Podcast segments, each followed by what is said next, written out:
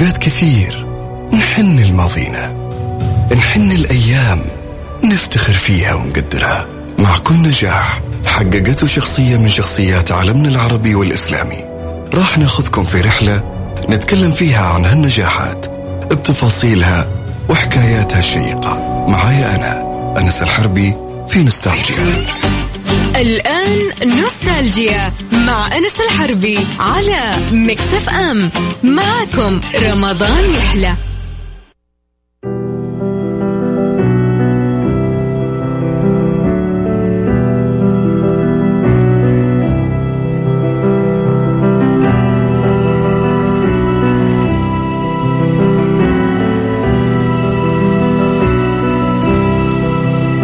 يسعد مساكم وأهلا وسهلا فيكم في نوستالجيا في حلقة جديدة وشخصية جديدة نتكلم فيها.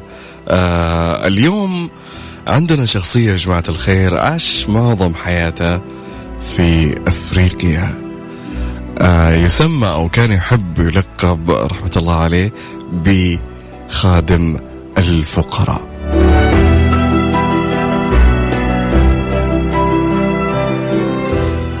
مثل كل حلقة إحنا نتذكر آه تاريخ أو ماضي لذلك البرنامج اسمه نوستالجيا. حتى لو كانت الشخصيات ممكن تكون معاصرة أو موجودة ضروري إن نحن لأعمال كبيرة نذكرهم فيها. قول أنتم يعني إحنا فخورين فيكم إحنا نرفع الرأس فيكم. فالله يعطيكم ألف عافية ورحم الله من مات. والله يطول بعمر من بقي آه على إنجاز وإنجاز وإنجاز. اليوم عندنا شخصية يا جماعة الخير عبد الرحمن السميط رحمة الله عليه. أكيد الأغلب يعرف هالشخصية. الرحمن السميط يا جماعة الخير داعية كويتي. آه، أسلم على يديه أكثر من 11 أكثر من 11 مليون شخص في أفريقيا بعد أن قضى 29 سنة في القارة السمراء. كان عبد الرحمن السميط طبيب مختص في الأمراض الباطنية والجهاز الهضمي. الآن نبي نأخذ القصة من بداية الشخصية. متى ولد؟ نشأ. نتكلم عن شخصيته. دردش شوي على الإنجازات اللي سواها. قصص من الحياة. نبدأ في مولد عبد الرحمن السميط.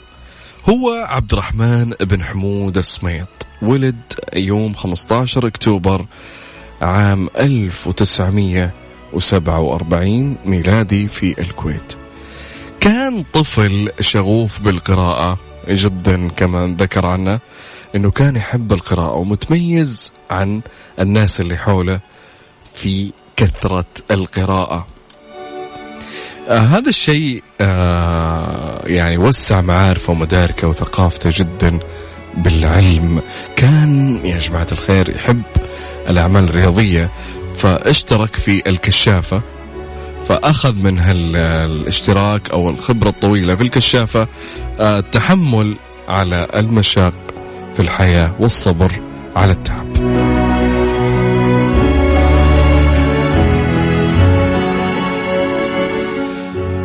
عرف آه، عبد الرحمن السميط من صغره بحبه لأعمال البر والخير. ففي آه، المرحلة الثانوية آه، راح قط هو وأصحابه مبلغ مالي من مصروفهم اليومي واشتروا بها سيارة. فكان واحد منهم يقوم بنقل العمال إلى أماكن عملهم بهالسيارة بدون مقابل. كانوا يشوفون العمال يا جماعة هو هو أصحابه يشوفون العمال يروحون سير على رجلينهم دوام. ففكروا قرروا قطوا مبلغ شروا سيارة وصاروا بأنفسهم يودون العمال ويرجعونهم تطوعيا بدون مقابل. كذا إحنا نعرف أساس هالشخصية. كيف صار كذا؟ كيف دخل أو أقنع 11 مليون إنسان أنهم يدخلون الإسلام؟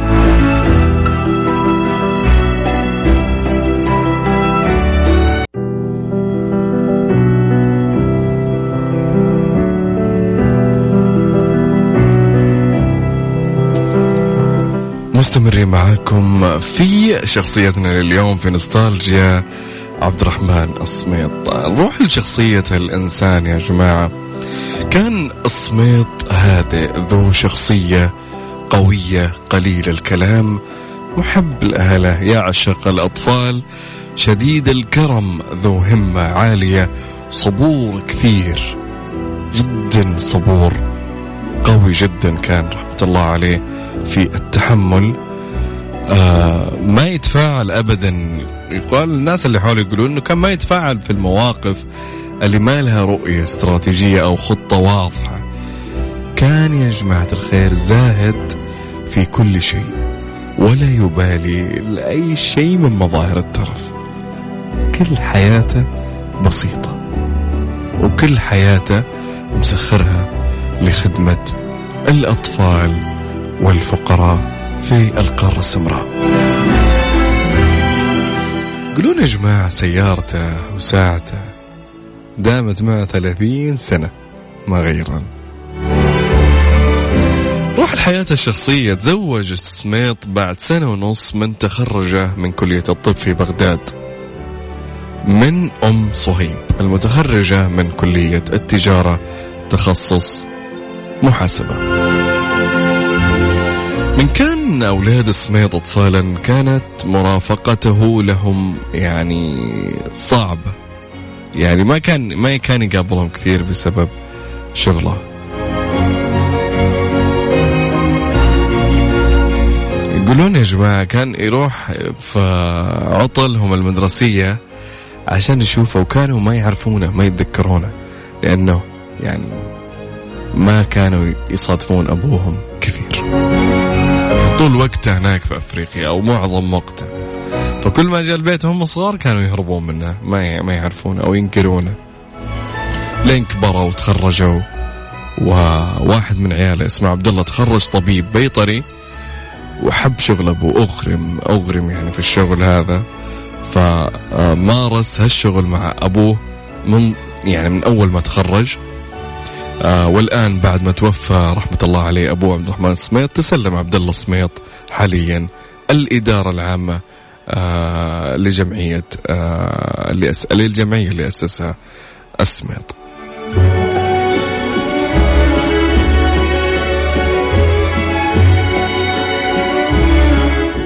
نروح الفاصل يا جماعة ونرجع نكمل معكم قصة أو شخصيتنا لليوم الدكتور عبد الرحمن السميط أبو الفقراء عاشق للقارة السمراء دخل تحت يدينا أو أسلم أو دخل الإسلام تحت يدينا 11 مليون شخص في قارة أفريقيا. نوستالجيا برعاية إكسترا. حياكم. رمضان جاكم. بأقوى العروض على الشاشات والأجهزة المنزلية من إكسترا. تسري العروض في جميع معارض إكسترا وعلى إكسترا دوت كوم.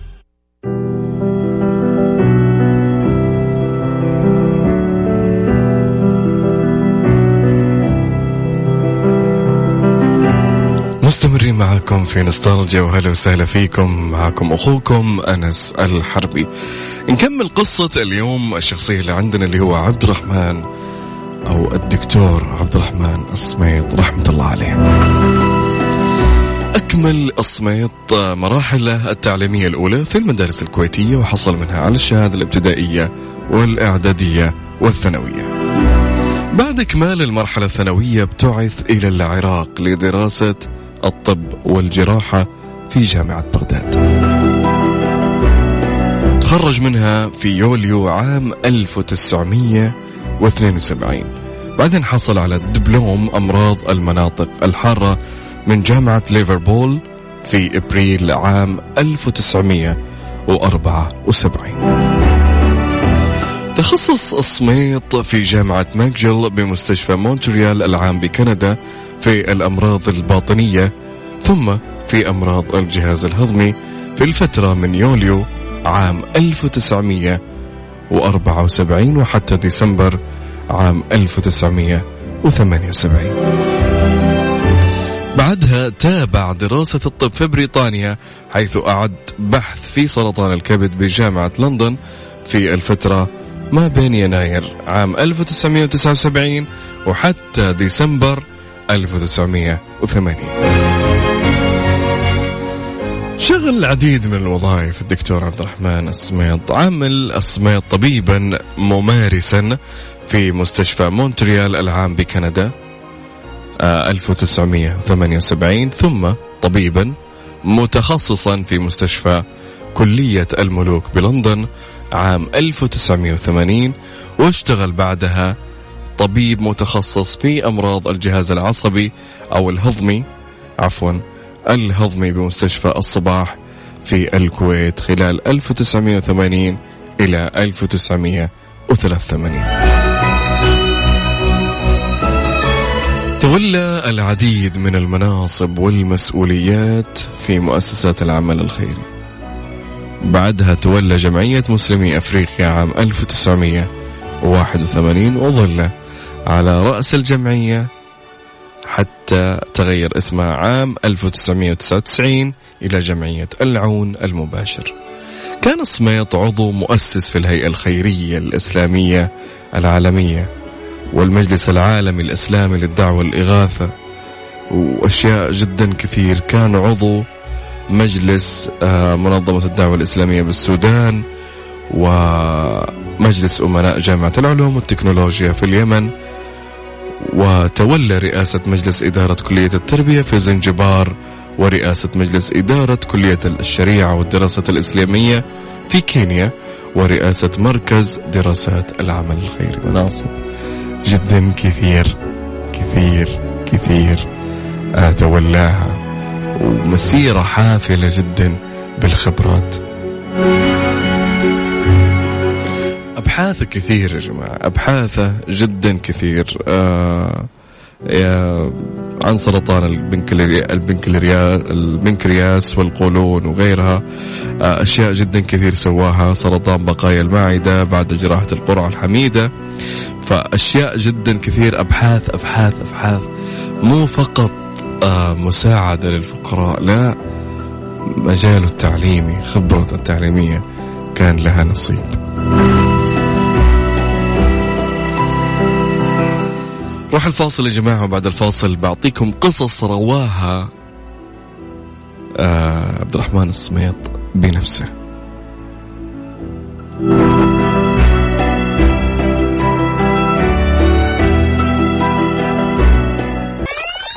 نوستالجيا برعاية إكسترا. حياكم. رمضان جاكم. بأقوى العروض على الشاشات والأجهزة المنزلية من إكسترا. تسري العروض في جميع معارض إكسترا وعلى إكسترا دوت كوم.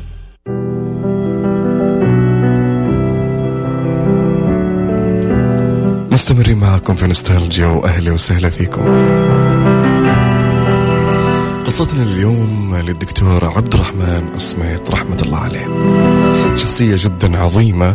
يقول في أحد رسائله يا جماعة آه، رسائل آه، كتبها الدكتور عبد الرحمن السميط يقول نتحدث معكم اليوم حول ما يمر بإفريقيا من مجاعة ولسوء حظي أن كتب لي الله سبحانه وتعالى أن أشاهد هذه المجاعة التي تحدث حاليا في أفريقيا ضمن سلسلة من المجاعات التي عشتها خلال العشرين سنة الماضية. وهذه المجاعة أصابت منطقتين في أفريقيا. المنطقة الأولى هي منطقة القرن الأفريقي وأقصد فيها إثيوبيا وإريتريا وجزءا من جيبوتي. أما المنطقة الثانية في الجنوب الأفريقي حيث موزمبيق وجمهورية ملاو أو ملاوي وزامبيا وزيمبابوي وإلى حد ما في أنغولا.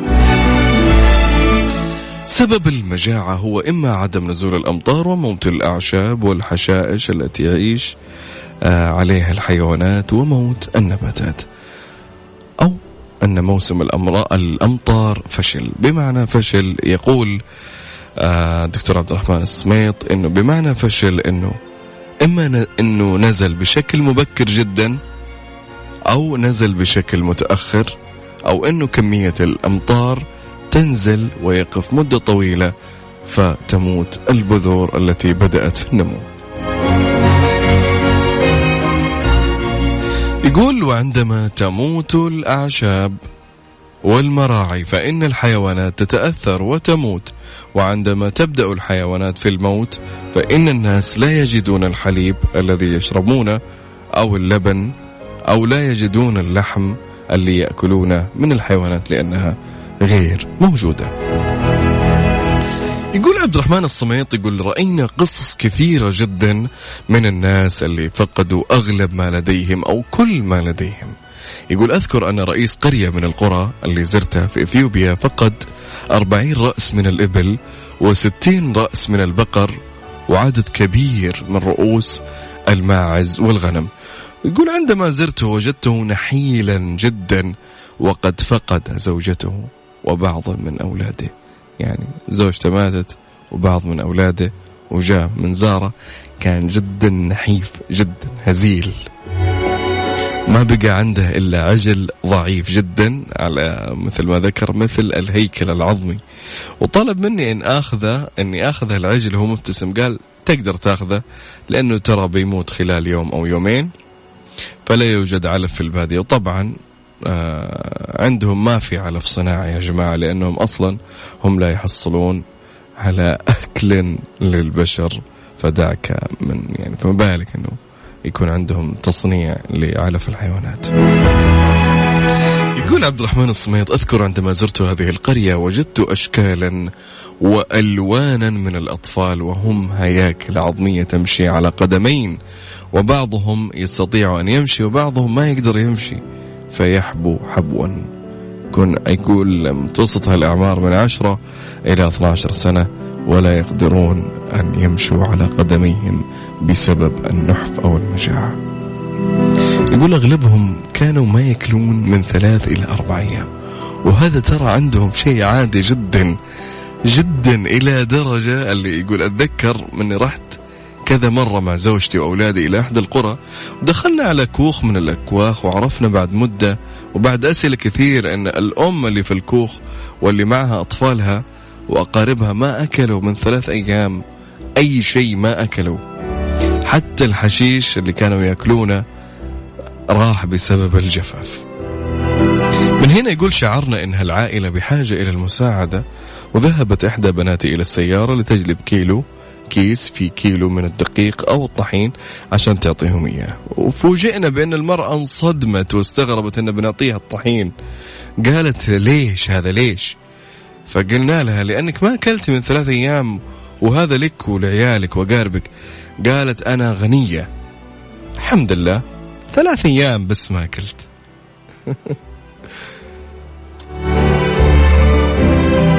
قالت ورانا جيراننا. العشة هذيك تشوفها تأشر عبد الرحمن الصمد. قال إيه؟ قال هذول راح لهم. هذول فقراء أكثر منا يحتاجون للمساعدة. ونحن بخير ونعمة ترى لنا يومين ثلاث ما كنا. يقول عبد الرحمن الصميط الدكتور عبد الرحمن الصميط ذهبنا إلى الكوخ الآخر اللي أشرت عليه. فوجدنا أن هنالك امرأة وأهلها لم يأكلوا منذ ثمانية أيام. ثمانية أيام يا جماعة. ما ذاكت الأكل ده ناس هنا في وقت رمضان يقعد يتحلطم عشان ساعة. والله يا أخي تعب يا أخي شقاء. يا أخي تحمد الله على النعمة يا أخي. الله سبحانه وتعالى حط لنا هالشهر الكريم عشان جسمنا يتخلص من السموم اللي فيه. زائد تشعر بشوية لسعة جوع من من هالناس اللي أتكلم عنهم الحين. ناس من ثمانية أيام ثلاث أيام. ثلاث أيام وتعتبر نفسها بخير ونعمة. ثلاث أيام. سبحان الله يا أخي. يقول لك وقارنا بين وضعهم ووضعنا. قال إحنا لو غابت عنا يقول عبد الرحمن الصميت لو غابت عنا وجبه واحدة من الثلاث وجبات الدسمة اللي نأكلها في اليوم قلبنا الدنيا وقعدناها. صحيح. أتفق. الحمد لله على كل شيء. يقول آه عبد الرحمن الصميط في قصة ذكرها إنه كان رايح لإثيوبيا. آه نروح الفاصل يا جماعة ونرجع نكمل القصة. خليكم وياي. نوستالجيا برعاية إكسترا. حياكم. رمضان جاكم. بأقوى العروض على الشاشات والأجهزة المنزلية من إكسترا. تسري العروض في جميع معارض إكسترا وعلى إكسترا دوت كوم.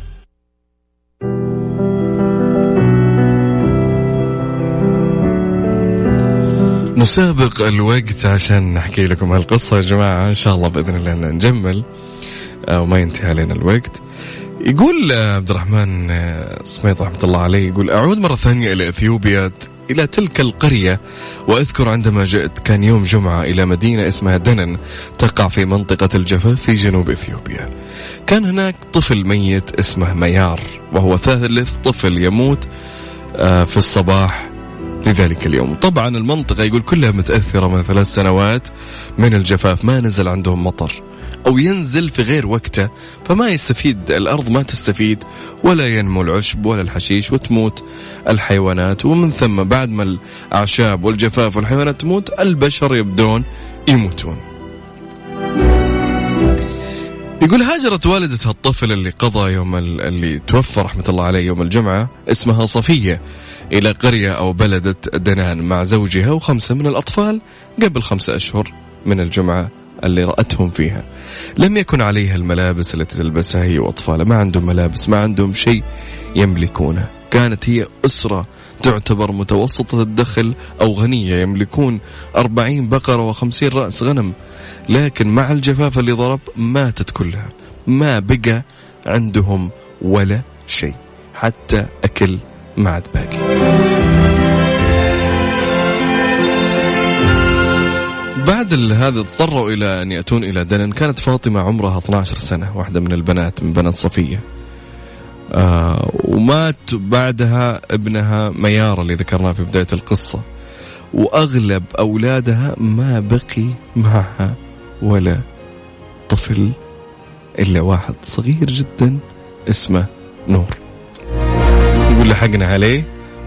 والحمد لله بقي على قيد الحياة. يعني تقريبا ست أطفال لخمس أطفال كلهم في تقريبا أسبوع أو أسبوعين ماتوا بسبب الجوع والجفاف.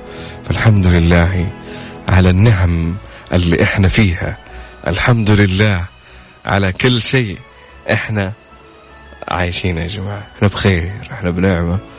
إحنا عارف كثر ما إحنا مترفين في النعم أو مدللين نتنقى. وش هذا؟ وش هذا؟ وش هذا؟ لا أنا ما أكل هذا أكل هذا. فاللهم يا رب أدمها نعمة. اللهم يا رب أدمها نعمة. دائما يا جماعة الخير. تحمد الله على كل شيء. الحمد لله. دائما وابدا. لا تستكبرون على النعم لأنها لو راحت والله ما بترجع. لكن الحمد لله على كل حال. توفي عبد الرحمن الصميط رحمة الله عليه يوم الخميس 8 شوال 1434 الموافق 15 أغسطس 2013 بعد معاناة طويلة مع المرض ومسيرة حافلة في العلاج والأعمال الخيرية والدعوة إلى الإسلام. تم دفنه في الكويت ظهر الجمعة رحمة الله عليه.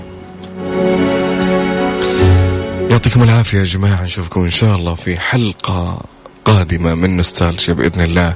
سبحانك اللهم وبحمدك أشهد أن لا إله إلا أنت أستغفرك وأتوب إليك وصياما مقبولا وإفطارا شهيا. و بسطوا يا جماعة وعيشوا حياتكم. اليوم ويكند لكن بتباعد وبحذر. وانتبهوا ما نبي يصير اللي صار في مجمع اللي هو اللقاحات هالفترة أو هاليومين اللي حدث. يعطيكم ألف عافية. طبعا الحلقة كالعادة من إعداد الأستاذ حسن العساف. كنت معاكم من خلف المايك والكنترول أنس الحربي. في أمان الله.